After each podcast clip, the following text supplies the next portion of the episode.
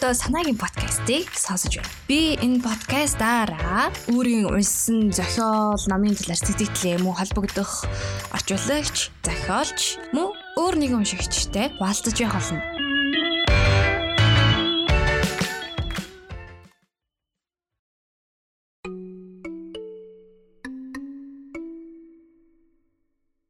За сайн байцгаана уу? Энэ удаагийнхаа дугаараар би бас хүмүүсийн сэтгэлээс хүлээн авч Эдогава Рамбо имийг Японы алдарт триллер детектив зохиолчийн хүн сандал хэмээх өгүүлгийг та бүхэнд хүргэхээр бэлдээд байна.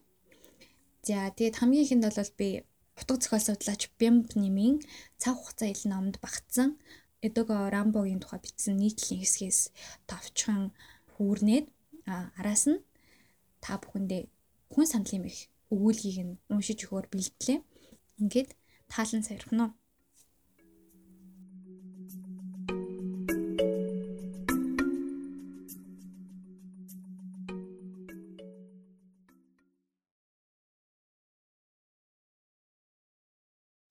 Цаг хугацаа хэлнэ номын хэсгээс. Ад зэтгэрийн өргөмөл хөө. Японы зохиолч Эдогава Рампо Жюль Верний уран зөгнөлт романууд Джек Лондоны адал явдал зохиол мэтгнээр цүнхээ дүүргэж явахад минь уран зохиол гэж юу болохыг таниулсан хүн. Өрөндийн детектив, триллер зохиолын тэргүүн синтед Эдгар Аллен По хэмээх живэр сахалтай этгээдэр залардаг бол дорны сэтгэхүйн детективийн хаанаар Эдогава Рампог нэрлэхээс аргагүй. 1920-ад оны Япон оронд цолгорч гарсан утга зохиолын алдарт нь төдийлөн байсангүй. Адал явдал зохиолууд гэхэд Ихара Сайкакугийн 200 гаруй жил өнгөгцсөн хідэн романаас өөр дөнгүүрэмгүй байж. Тэр үед Васедагийн их сургуулийн улс төр эдийн засгийн тэхэм цурлаж байсан Рампо Америк Европын адал явдал зохиолын урхинд орсон байдаг. Удалгүй шинэ сэнэн хэмээх сэтгүүлд Зис Зоос нэртэй анхны өгүүлгээ хожимоо дэлхийд даяар цуурайтсан Эдогава Рампо нэрээрээ хэрлүүлжээ. Үнэн хэрэгтээ түүний жинхэнэ нэрийг Таро Хирай гэдэг. Эдогава Рампон Эдгар Аллен Погийн Япон ханцны бичлэг аж. Эдгар Погийн амьдрал зохиол шиг адал явдалтай гуниг хар хуслаар дүүрэн бол Рампогийнх тэмч сонирхол татах ээдрээгүй. Зарим цуу ярианд дурдсанаар түүнийг Кабуки театрын жүжигчин залууст жирийн бишрэгчээс илүү дотн ханддаг байсан гэлцдэг. Янгийн харилцаагаар шүү. Үүнээс цааш уйтгартай романы үйл явдал шиг л хөврөнө. 1894 онд самурайн угсааны гэр бүл мэндэлсэн 1919 онд Мурияма хэмээх бүсгүйтэй танилцсан ганц хүү төрүүлсэн нь Хирай Рютаро. Риккё их сургуулийн хүндэт профессор сэтгэл судлаач хүн өдгөө эцгийнхээ зарим зохиолын эрхийг эзэмшдэг. Риккё их сургуулийн дэргэд зохиолчийн амьдарч асан өрөөг Эдогава Рампогийн өргөө нэртэйгээр гэр музей болгон тогтжуулсааж. Рампогийн анхны роман 1926 онд хэвлэгдэж 1947 онд тэрбээр Японы детектив зохиолчдын клубыг байгуулжээ. Ингээд 1965 онд зүрхний шигдээсээр нас барах хүртлээр зохиолоо бичсээр байл. Цусны даралт өндөр Паркинсны өвчнөд учраас сүүлдээ зохиолоо амаар дуудаж гэрийнх нэрээ бичүүлэх болсон гэдэг. Ийм л нэг жирийн амьдрал. Харин утга зохиолын ертөнцийн Рамбо бол миний л мэдих хамгийн чөтгөрлөг адын ир байлаа. Эдгар Поттой уулзрахаасаа ч өмнө дунд сургуульд байхдаа найзуудтайгаа нийлэн хүүхдийн сэтгүүл гаргадаг байж. Магадгүй нүгээс л тэр хэн болохоо тодорхойлсон болов. Эдгар По мэдээж түүнд хамгийн их нөлөө үзүүлсэн. Гэхдээ утга зохиолын хүрээнийх нь түүнийг Япон хэв шинжийн детектив сэтгэл зүйн хүүрнэлийг үндэслэгч хэмээн мандуулдаг нь үнний ортой. Иймэрхүү яриа 1965 онд анхны өгүүллийн төвөр нь өрнөдөд хэвлэгдэн барууны детектив дурлагсдыг алмайруулж өргсөн тэр үеэс ихтэйгэн. Элтв адал явдал хөнгөн хийсвэрлэл, хэтрүүлэл, сүрчин дүрслэлээр дүүрэн өрний утга зохиолд тэр ёстой л дорны нууцлаг уур амьсгалтай. Учир битүүлэг айдсыг авчирсан хэрэг. Шүтэн бишигчтэн гарын үсэг хүсэх үед манер заавал өнгөц цаасан дээр Одоогийн ертөнд зүуд харин шөнийн зүдл жинхэнэ бодит. Өдөр бол зүуд харин өдөш бол одоо үе гэх мэтийн үгс бичиж өгдөг байж. Энэ мэт итгээд авиран л түүнийг адын болгож харагдуулах хангалттай үндэс болно. Өгүүлгүүдийнх нь үйл явдлаар жишээлэд үзье. Хүн сандал. Улаан тасалгаа хоёр бусад өгүүлгээсээ өгүүлэмжийн хувьд арай өөр. Ястай л нөгөө Япон маягийн гэдгийн тэр баг. Уншигчийн сэтгэл зүгээр тоглоод явах шиг санагддаг. Сэтгэлгээ өгжүүлэх ямар нэг тоглоом шиг. Хүн сандал өгүүлэх гэхэд зохиож бүсгүйд хинээс нь тодорхойгүй нэгэн загтал ирнэ. Тэрхүү загтлыг зүс царай муутай нэгэн мужаан битсэн бөгөөд санал дотор амьдардаг этгээд ертөнцийнхөө талаар өгүүлжээ. Гайхалтай нь тэрээр зохиож бүсгэн худалдаж явсан Европ хийцийн том сандалд амьдардаг илчилсэн байлаа. Мэдээж энэ нөхцөл байдал зохиолч бүсгүйг эргэлзээнд оруулна. Гэтэл сандал дотор хүний ертөнцөөс ангид амьдардаг хин нэгэн бол Бекетийн жүжигт юм уу? Кафкагийн туужил үзэгдмээр агдсхийн үйл явдал. Ингээд Рампо уншигчтэйг санал дотор амьдарч, унтаж, идэж ууж, бүр бүсгүйг санал дотроос таалж мэдэрч буй базаахгүй царайт мужаан болоод чинэлэг зохиолч бүсгүйн дунд үүссэн жихүүц сүрэм уур амьсгал дунд аваачаад орхидог. Гэтэл үүлийн төсөл мөнөөх гайхширмар үйл явдал хин нэгний зохиолын санаа байсныг мэдж уншигч мөн л зохиолчийн уран сэтгэмжийг даган санаагаа дахин хөрвүүлэх шаардлагатай тулгарна. Үүнийг нь л адын гэж нэрлэдэг байна. Рамбогийн Япон маягийн детектив гэж нь энэ Рампогийн зохиолд иймэрхүү уншигчийг төөргөдүүлсэн үйл явдал цөөнгүй. Гэхдээ энэ нь Эдгар Погийн эсвэл бүр манай цаг үеийн аимшиг триллер төрлийн хуурай романуудад ч тохиолдож болохоор төөргөдөл. Хамаг учир нь түүний дөрүүд болоод уншигчдын сэтгэл зүг ховсдогч чанарт байгаа юм. Тиймээс ч түүний Япончууд Эро Гуру Нансенсү зохиолын эцэг хэмээн өргөмжилдэг биз. Өөрөөр хэлбэл эротик, хоржоон, утга учиргүй эцэг гэсэн үг. Зохиолуудынх нь бааtruуд эцэж цуцшгүй нэгт нямбай тэгсэн хэрний хачин итгээд дүрслүүд нь хитрхи бодит гимээр үйл явдал нь далд нуудамлынхаа хэрээр уншигчийг улам гүн рүү дагуулan ордог. Эмэгтэйчүүд нь хаяа хит сул дорой эсвэл өөртөө баймааргүй харгас эрцгий зан авиртай. Гэхдээ бас янаг амаргийн тунг тааруулхаа мартахгүй. Зарим хүн түүнийг Японы уран зохиолын тэтэмгүй хаан хэмээн цоллох нь би. Харин тэр тэтэмгүйч хаана л баймаар ир санаж.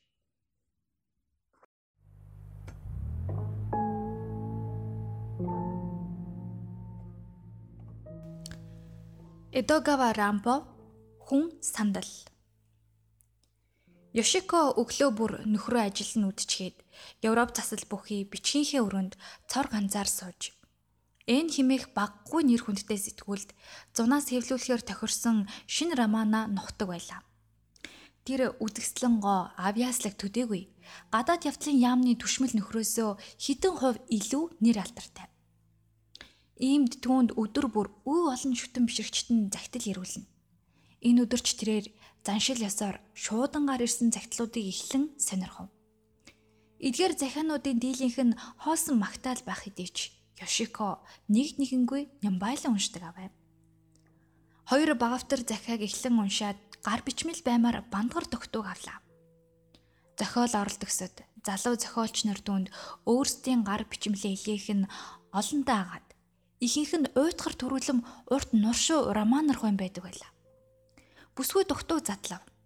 Гарцаагүй гар бичмэл мөн гэвч нэр гарч иггүй бөгөөд шууд л эрхэмсэх хатагтай химэн эхэлжээ.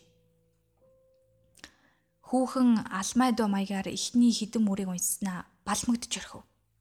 Гэвч төрлийн сониуч зан дийлж тэрээр бүгдийг нь уншихаар шийдлээ. Ирхэмсэг хадагтай та намайг үл таних хагаад дэндүү ёсон бус ирээ цэргүү хандаж байгааг минь уучлан сойрхно. Би танд өөрийн үйлцэн хэргийг мэдүүлж туйлын аимшигтай нууцаа задлахыг зориглолоо. Би ертөнцөөс хөндөрч чөтгөрийн гимээр амьдралаар амьдарсаар хэдэн сар болов намайг хэрхэн амьдарч байгааг нэг ч хүн төсөөлөхгүй. Нөхцөл байдал өөрчлөгдөөгүйсэн бол хүмүүсийн дунд эргэж очих учир огтоос үгүй багсан. Сүүлийн үед болсон элдв явдлууд сэтгэл зүрхийг минь уруулчихжээ. Би цаашид үннээ хэлэхгүй дуугуйсаж чадахгүй. Загтлын маань ихний хідэн мөрөл таныг балмагдуулна гэж мэдэж байгаа ч бурхныг санаж хойш нь тавилгүй дуустал уншихыг хичээнгүйлэн гуй. Тэг ахвал та миний цөхрөнгөө барсан тавилан ойлгож заавал танд энэхүү нууцыг тайлах болсны учрыг мэднэ. Юунаас хэлхээ сайн мэдэхгүй байна. Танд өгүүлэхээр завдсан энэ түүх дэндүү бол хийгээд хүний санаанд оромгүй юм. Гэхдээ юу ч болсон хамаагүй бүгдийг нь бичгээр би Батнот шийдлээ. Бүгдийг дэс дараагаар нь өгүүлье. Би гэдэг хүн харахад ой гутмаар муухай царайтай. Үүнийг сайдар тогтоогоорой. Хожим миний хүсэлтийг биелүүлэхээр шийдэж надтай нүүр тулан уулзахдаа айн зочирдуузай гэж бодсноос зориуд ин анхааруулж байна. Миний хувь тавилан даанч хатуу ширүүн байлаа. Ирэмдэг зэрэмдэг нүүр царайтай. Намаа хинч эс тоон. Баян аль төрсөн бол зугаа цэнгэл хөөж зовлонгоо мартагсан. Авьяастай бол шүлэг өчиж залгүй хувь тавилангаасаа багч болов нэмэлгэсэн. Гэвч бурхан надад даанч хатуу хандсан бөгөөд би жирийн нэгэн мужаан билээ. Би сандал хийх талаар сайтар мэрэгсэн юм. Иймээс хав ойр цууд гарч үнтэй ховор чамин сандал хийх захиалга тасралтгүй ирдэг байлаа. Хээ хуар гоёл чимэг өдөн жинтүүнээс ахуулаад итгээд чамин хий зэдбэртэй хүртэл янз бүрийн сандлын захиалга ирнэ. Ийм захиалгыг биелүүлэхээр хэр их хүч хөдөлмөр хичээл зүтгэл шаарддгийг нүдэрlis үзүүл төсөөлж чадахгүй. Санал хийчгээд би сууд бүтээлээ туйрвсан зураач хэл догдлон хөөрч гуник зовлонгоо мартдаг байлаа. Сандалтаа тухлан сууж аятайхан болсон эсхийг нь үзнэ. Ингээд би минь өөрийн ирэхгүй салгална би өөрийнхөө уралсан сандал дээр хэрхэн суухыг төсөөлж баян язгууртан юм уу үдгсэлэнд авхай сууж байна гэж бодоход уран сэтгэмж тансаг шилтгэний хөл далдармаар зузаан хевс чийдэнгийн болор бүрхүүл нэртэй зураачийн зурсан үн цэнтэй зураг бүхий өрөөнд хүрдэг юм. Сандлын минь хажууд бяцхан ширээн дээр тансаг үнээр эхэлсэн өнгийн цэцэгс бүхий өрн зүгийн баар тавиастай. Миний мөрөөдөлд хил хязгаар 20 цар байсангүй. Би эрхэмсэг тайж олцоход амраг гоо хүүхнээ өвөр дээрээ суулган янгийн өгс шивнэхэд тэр ялтам сайхан инээмсэглээл. Гэтэл хүүхдийн уйлан айлын авгаачуудын хашгиралтаа хадаж мөрөөдлөг маань үлдэн хөөж бүүтгэр дүнсгэр амьдралд минь эргүүлж авчирна. Мөрөөдлийн бүсгүйн минь утаа айдал замхарч өнөөх сандал маань үлдсэн байх. Түүнийг мөн удлуугийн надад оногдохгүй ариун дагшин орон руу аваад явчихна. Ажилгүй үедээ би ихэд гунж гүйрдэг байсан бөгөөд ингэж амьдрахаар өөх юмсан гэж хүсдэг байлаа. Үрдүүлэх гэсэн юм бишээ. Үнэндээ тийм байсан юм. Гэнэт нэг удаа үхээд яах юм? Өөр харга холдохгүй гэж үг хэмээн бодлоо. Тэр үед би Йокогамагийн том зочид буудлын эзэн нэгэн Европ иргэн захиалсан ширэн бүрээстэй том ихч зөөлөн сандал хийж байлаа. Шин загварын буудан тул эхлээд гадаадаас авчрах гэж байснаа танилаас минь миний тухай дуулаад захиалга өгсөн байж. Би бүхий л мэддэг чаддгаа ашиглан хэд хоног нойргүй ноцтолдож байж урлав. Сурсан зангаараа наранд эвэр газар тавьж тухлан сууж үзэхдээ л ямар хосгүй сандал урлснаа биеэрээ мэдэрлээ. Ингэж суухаас илүү жаргал үгүй юм шиг. Зөөлөнч бус, хатууч бус суудлан бамбалцсан. Түшлэг нь налаад сухад эвтэйхэн байлаа сандал бүрсэн арсны өнгөч сэтгэл татгойц болжээ. Ийм сайхан сандлыг дээд зэргийн төгс цогцол нарийн ур ухаанаар бүтээдэг юм да. Би сандалтаа тухлан суугаад мөрөөдөж эхэлнэ. Энэ удаагийн мөрөөдөл маань үнэхээр болж бүтээд бомит тотхон байлаа. Гівгэнэт гайхалтай санаа толгойд орж ирэв. Үгүй бол чөтгөрлөлгүүнийг надад шивнсэн баг дэндүү адал санаа байсан болоод ч тэрөө би түүнийг мартаж өстөнгөлөө. Хосгүй сайхан сандал хийснээ хүнээс харамлсан миний сэтгэлээс энэ санаа төрсөн нь гарцаагүй. Би түүнийг харамлсандаа ертөнцийн хязгаар хүртэл явхад бэлэн байсан ба мөрөөдөл маань энэ сэтгэлдлийг хөөргөн адын бодолд хүргэсэн биз. Утга учиргүй санаа боловч бодтой үйлс болохоор бат шийдэв. Би даруйхан босож саналаа задлан өөрийн бодлоор баг зэрэг өөрчлөөд угсрав. Жирийн сандлаас хэд дахин том учир дотор нь хүн багтах зай өлхөн байлаа. Сандлын зөөлөвч пүрш хөндлөц зэргийг ур чадварынхаа хүчээр өөрчлөн урлаж хөндлөвчөнд өвдгөөрөө тулан нурууных нь ард их бие толгоогоороо налан суугаа маягаар саадгүй багтахаар янзлаж бэлтгэв. Тав тухтай байхаар бодож агаар орж дуу чимээ сонсогдох нүдэн дүл өртөх хідэн жижиг нүх өрөмдөн толгоонхоо тушаа ус хуурай дихэм нүцлэх сав байрлалав. Мөн ойр зургийн хэрэгцээний юм агуулсан хүүдий авав. Ингээл хэдий ч хамаагүй хугацаагаар амьдарч болох ганц хүний оромж маань бэлэн болсон юм.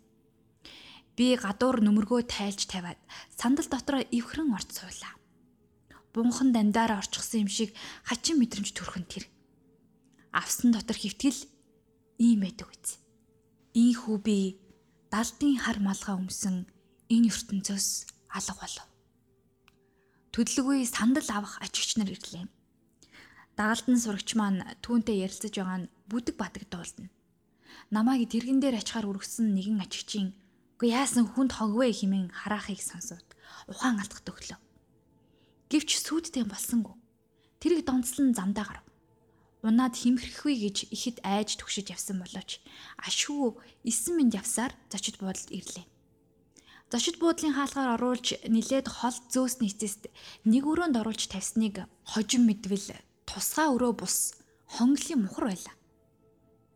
Зочид буудалд ирээд шүн болонгууд сандаасаа гарч нүдэнд туссан үнтэй ид юмсыг хулгайлах болов. Сандал дотор хүн бий гэж тэд яахан таах вүлээ? Би өрөөнөөс өрөө дамжин сүүдэр мэт гитэж элдэв чимээ шуган гармагц сандалтаа нуугдаж оргино. Тэгээд амьсгаа даран хүмүүс хулгайч хэрхэн ирж хайж байгааг сонсно. Та бодвол агуу маягийн нөхөнд амьдардаг даяан чавчны тухай сонсоо байлгүй. Авраг аалцтай төстэй энэ амтэн эргэн тойрон нам гүн болохоор далайн эргээр зугаалж өчүүхэн төдий чимээ гарвал нүхэндээ шурган том хавжуура цохуйлган дайснаа отдог амтэн да. Би яг л түн шиг болсон юм. Ганцхан нүхэнд бус сандал нуугдаж далайн эргээр бус зочид буудал дотор хисүүчилдэг байлаа. Би ингэж жаал баяжий гэж бодсон юм л да. Хүний санаанд оромгүй арга бодлохоор аюул багтай зочид буудалд очисон эхний 3 хоногт ихэд би овоо юм цоглож амтсан байлаа. Анд явж явахдаа учиргүй айж тэгсэн хэрнээ хөөрн догдлох хагаад хэрэгээ гүйцээсэн хойноо энэ зочид буудлынхныг араар тавьсандаа бахана. Харамсалтай нь одоо өөрийн адал явдлаа ярьж цэнгэх цаг биш юм л та. Цааш нь үргэлжлүүлэхийг зөвшөөрнө. Тун санамсаргүй би юр бусын амттай нүхэл цэнгэлийг олж нэ. Одоо сайтар анхаарч үзээрэй. Энэ хамгийн гол нь. Гэхдээ намайг хонглын мухар тавьсан тэр үе рүү эргэж очие. Хонглын мухарт намайг оруулж тавиад зочид буудлынхан бүгд ээлж дараагаар сууж үздэг.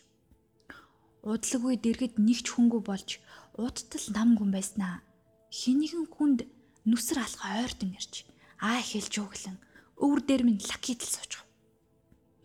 Лакс том битэгэнд бодвол Европ хүн гэдгийг хэлт тухлан налааснаа тонтгонон дээш доош болж үзэж байна. Цээж бяцрах шахан татаж буй хадуу тамхиных нь үнэрт дотор муухайрав. Хатагтай та өөрийгөө миний орон тавиа төсөөлдөв. Ямар хэцүү байсныг та хэрхэвч ургуулж бодож дөнгөхгүй. Модон арам хим хүсэрчгүй гэж айснаас хамаг хөлс асгарч амьсгаа богдно. Тарих толгой дүнгтэж оргисон бэ. Түүнээс хойш олон хүн миний үр дээр суусан тэдний хинэн ч сандлын зөөлөвчин дотор амьд хүн байгаа гэж бодоогүй лавтай. Үчүүхэн хөдлөх зайгүй миний бяцхан харанхуй орчлон минь. Аимшигтай ч гайхамшигтай. Энд далд орчлонгийн эзэн надад гадаад ертөнц хүн гэдэг би галбар үнэр хөлийн чимээ дуу хоолой амьсгалаар төсөөлөгдөнө. Би тэднийг зүс царайгаар нь бус би галбараар нь мэддэг боллоо. Тэд шалхайсан бүдүүн хатаасан загас шиг хорчхор эсвэл учиргүй ясархаг эцэнхий байхажээ. Нурууны галбар гарын чац, гуйны бүдүүн хүртэл янз бүр байх. Гадаад хэлбэр нижил бүгд хоёр хөл хохимо толгойтой хэдий ч бие махбод нь тоо томшгүй олон шинжээр ялгагдана. Хүмүүсийг нүүрний хэлбэр царай зүс урууны хийгээр нь ялгаж танихаас гадна бие махбодынх нь галбар төрхөөр ялгаж болно гэдгийг би батлан хэлж чадах байна. Энэ давчуухан ертөнцид маань эмхтэй хүнч зохих байр сууриа эзэлж байлаа. Тэднийг өрдөнхөр бол үтгслэнгоо тэнийг дүүнг дүү гэж хоёр ангилж болох юм. Харамсалтай нь сандалд нуугцсан хөөхий эрт энэ юуны хамаа байх вүлээ? Миний энэ ертөнцид торгон зөөлөн арьс, уянгалаг хоол, анхлан мөнөр гойлыг би цогцсон л мэдрэгдэнэ. Эрхэмсэг хатагтай минь таныг би өөрийн илэн далангүй өгүүлэлээр балмагдуулаагүй гэж найдаа. Ингээд нэг удаа над дээр зүрхэнд минь хүслийн дүл асаах учиртай нэгэн өвөрмөц би зогцос суусан. Хоолойн сонсвол тэрээр хар хилний бяцхан охин байсан бөгөөд дуу аялан хоосон хонглоор салхи мэд дийдэн бүжиглж явснаа гинэт үсрэн өвөр дээр нь унаж орхисон билий. Юу ч минэдийг нь хүргэсэнд торонд орсон загас шиг баахан тийчлэн хөхөрлөө. Хагас цаа хэртээ өвөр дээр минь суухтаа тэрээр миний сэтгэлийг дэндүү их донслоож орхилов. Би ямагт юм хүнээс айж дүлж авсан. Ирэмдэг зэрэмдэг нүүр царайнаасаа болоод нүүр өөдөн ч хартгүй байлаа. Гэтэл одоо би зэрэгцээд байтугай давхарлаа суучихсан төдийгүй. Дулаахан гоол би зогцсыг нь мэдрэн байдаг. Харин тэр юу ч мэдсэн шинжгүй хөгжин тоглосоор ахын тэр. Би ч харанхуйд суун түүний илбэн таалсаар. Миний мөрөөдөл биелж байх шиг. Энэ явдлын дараа би анх сансан элдв юм хулгайлж баяжлыг санаагаа орхиж өөрийн гайхамшиг цэнгэлийн амтанд эрэлт буцалтгүй орлоо. Хачирхалтай хойв тавилангийн минь над жаргал энэ байж. Ирэмдэг зэрэмдэг надад амьдралаа санал доторх нууцлаг ертөнцөөр сольсон нь аз болчээ. Энд би амсаагүй жаргалаа идэх юм хэмээн бодно би. Санал доторх дурлал надаас өөр нэг ч хүн ийм солиотой мүзээгүй. Харанхуйн дурлал. Тамийн мэд. Үнэртэж тэмтэрч мэдэрдэг ийм дурлал байх гэж. Үнэндээ бол Хүний ертөнцид бидний нүднээс далд өчнөн аимшигтай явдал болдог. Эхэндээ би нилээд юм хулгайлж хагаад эндээс тухтыг гэж бодож байсан. Гэтэл одоо хайчгаа. Энэхүү хүмүүн бус жаргал цэнгэлээ орхиод зүхтахын оронд эндээ л мөнх амьдрах хүс болсон байх юм. Гадагш гарахтаа болгоомжтой байх талаар баггүй туршлагатай болсон учраас илэрх аюул баг үгүй. Байнга сууга байдгаас миний эргэтнүүд хөшиж, булчин шүрмэс чангарч, чивчрэн хатингаршаад хөдлөхөж хийцүү боллоо. Шүн галтгооны өрөө энэ тэрүүгээр хисүүчлэхдээ явах бус. Дөрөн хөллөж мөлхдөг болов. Над чиг тэний хүн байхгүй баг. Гэлээч би хүмүүн бус жаргалаасаа хагцхыг юр хүссэнгүй. Зочид буудалд үргэлж хүн ирж очих тул дурлалт бүсгүүчүүд маань өдөр сараар солиотно. Би диднийг би галбраар ялахаас бус зүс царайгаар нь үл мэднэ залуу байдс мэт гойлыг туйхан бэлхүүстэй. Эсвэл могой мэт шувтан гулжгар бүхстэй. Хийсэн бөмбөг мэт ив хавгүй биетэй цутгаад шавхчихсан юм уу гэмээр булчинлаг биетэй хөхнүүчтэй харилдана. Гэхдээ хүн бүхэнд өөрийн өвөрмөц гоо сайхан орших хажээ. Инчлэн би туршлагаа зузаасаар байлаа. Нэгэнтээ зочид буудал маань Европын нэгэн том гүрний элчин сайд ирснийг хүмүүсийн ярианаас дууллаа. Тэр сайд ч өвөр дээр нь хэсэгхэн сууж юунэж тухайн бэ ярилцаад босож оцсон бил. Би мэдээж түүний ярианаас юу ч ойлгоогүй. Гэхдээ түүний бусдыхаас хавигүй илүү ичтэй бийг мэдэрсэн. Түүнийг авсны хойно нэгэн хачин бол төрсөнс. Тэр сайтын зүрхэнд нь утга шааж орхил яадаг бол.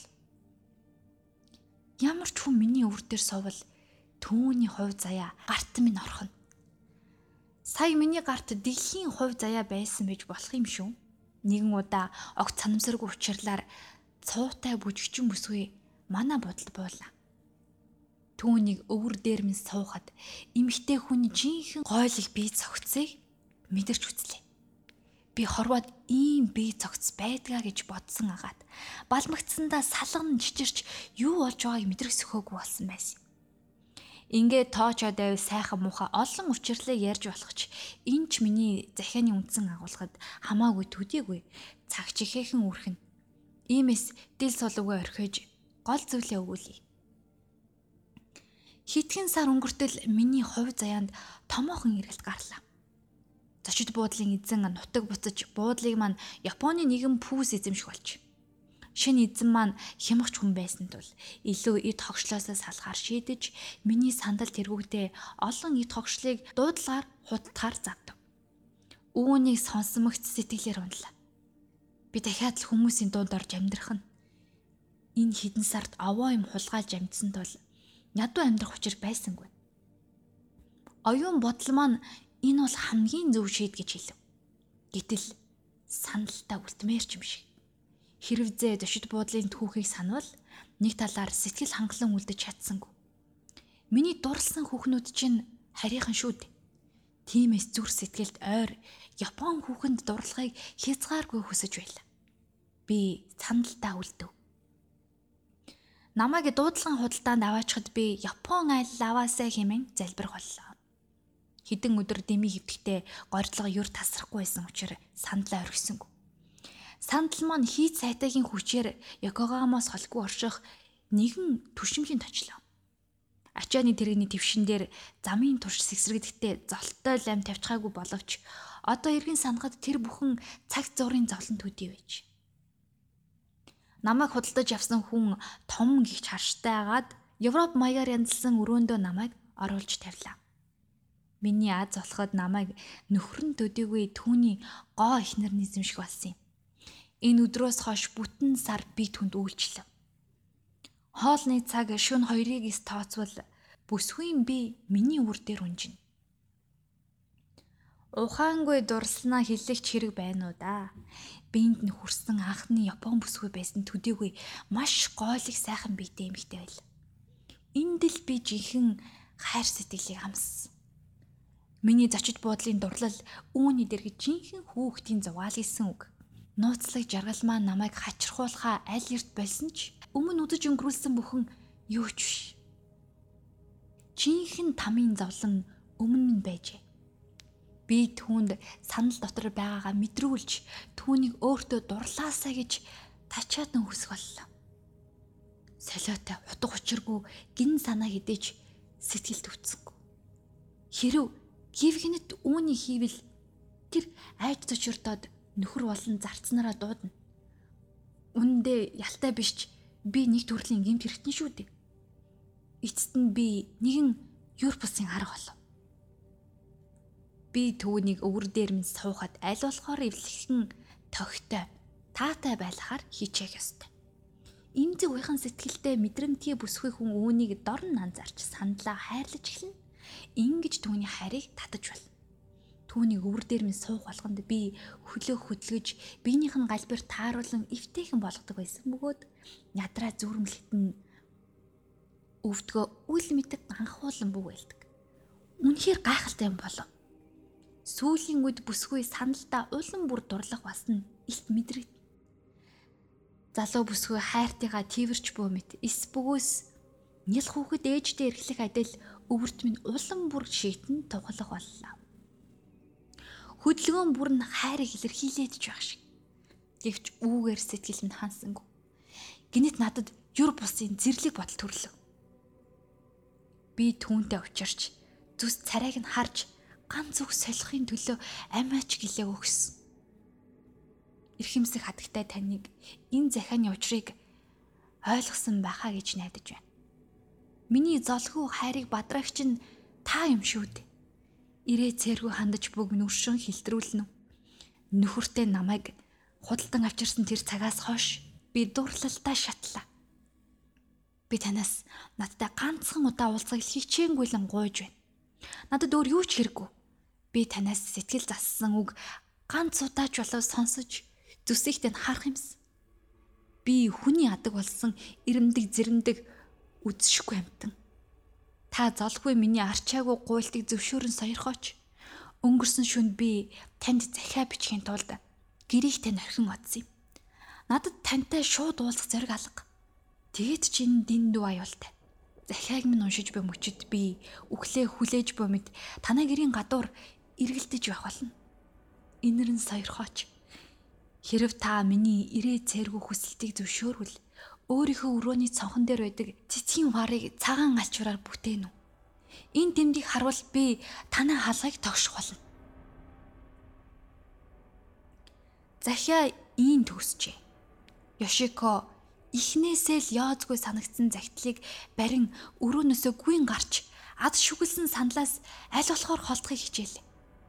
Тэр загтлыг ураад хайчихмаар байсан ч сэтгэл төдлөгүй уншиж дуусгасан билээ зүүн бэлэг нь үнэн байж аимшигтай юм. Суух дуртай зөөлөн санал дотор нь танихгүй эр хүн амьдарч байсан гэж юу? Бүсгүй зэвүүдсэндээ өөрийн ирэхгүй салглав. Хүүхдэн хүмүүс дээрээсээ цутгуулсан мэт жижирч байсан хийгээд тайвширч үрч чадахгүй байлаа. Тэр гүлрэн суув. яах вэ? Сандлыг үцэх үү? Үгүй. Ингэж болохгүй. Бүсгүй дахиад л чирлээ. Тэр хүн явчихсан хэдийч хоол унд юм хум нь үлдсэн биз. Хатагтай танд захидал ирлээ. Ишико захиаг мдээгүй шахуу задлснаа айн дуу тавив. Өмнөх захианы бичгийн хэлбэр дүрээрээ мөн байлаа. Түүнд өнөөх аимшигтай хүн дахин нэг захиа бичжээ. Яах гэсэн бол Яшико удтал тэнэлцв. Эцэст нь догтуунаас загтлыг гаргаж чичирхийлэн уншлаа. Цөөхөн хідэн мөрөө. Ирээ цэргүү аашлаж дахин түгшээж байгааг минь өршөөгөөрэй. Таны эртний бишрэгч агаад түрүүчийн захиа бол миний зохиол бичих гэсэн оролдлого маань юм. Иймээс та гар бичмлийг маань хянан тохиолдуулж хэвлийн газар зориулан шүүмж бичиж өгөх аваас хязгааргүй баярлана. Зарим нэг шалтгааны улмаас би түүнийг дагалдах захиагүй илгээсэн ба. Та гар бичмлийг маань уншиж амьдсан бизээ. Танд хэр санагдав? Сэтгэлийг тань өчүүхэн чулуу хөдлөсөн ахвал ихэд баярлана. Би зориуд гарчийг норгисон агаад хүн сандал гэж нэрлэх бодолтойгоо танд уламжлая.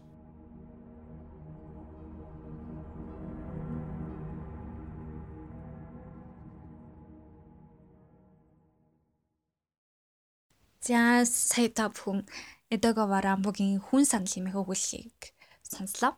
Тэгээд би чадах хатгаараа э, аль болох хүн ингээд дүрслэгтгээр уншихыг хичээлээ. Гэхдээ яг тэр санал дотор амьдарч байгаа ирийн яхир хоолоогоор сонссон бол бүр чихүүц төрүүлэн байхаас нь жиж магадгүй.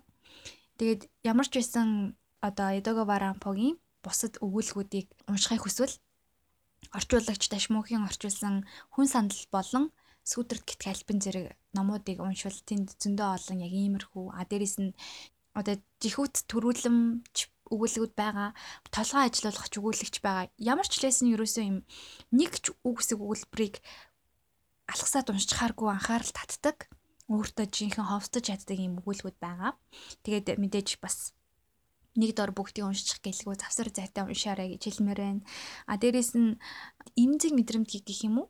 Тийм хүмүүс байвал уншаад бас тэ унших хэрэгтэй ч юм уу ч юм ямар ч лээсэн зарим өгүүлбэрт нь бол үнэхээр сэрцгийлэн. Дээрэс нь одоо нэг тийм хүний сэтгэлийн гүнд нуугддаг тэр хар бараам тэр нэг тийм ад адын гимээр бодлуудыг давхар ингээд ажилуулад байдаг. Тийм болохоор сонирхолтойч бас жоохон амар байх болов. Ямар ч байсан өгүүлгээ анхааралтай сонссон та бүхэндээ баярлалаа. Ингээд дараа дараагийн дугаараар өшөө илүү сонирхолтой өгүүлгийн хийсгээс а мөн сонирхолтой зохиолчтой танилцуулах болно. Ингээд түр баяртай.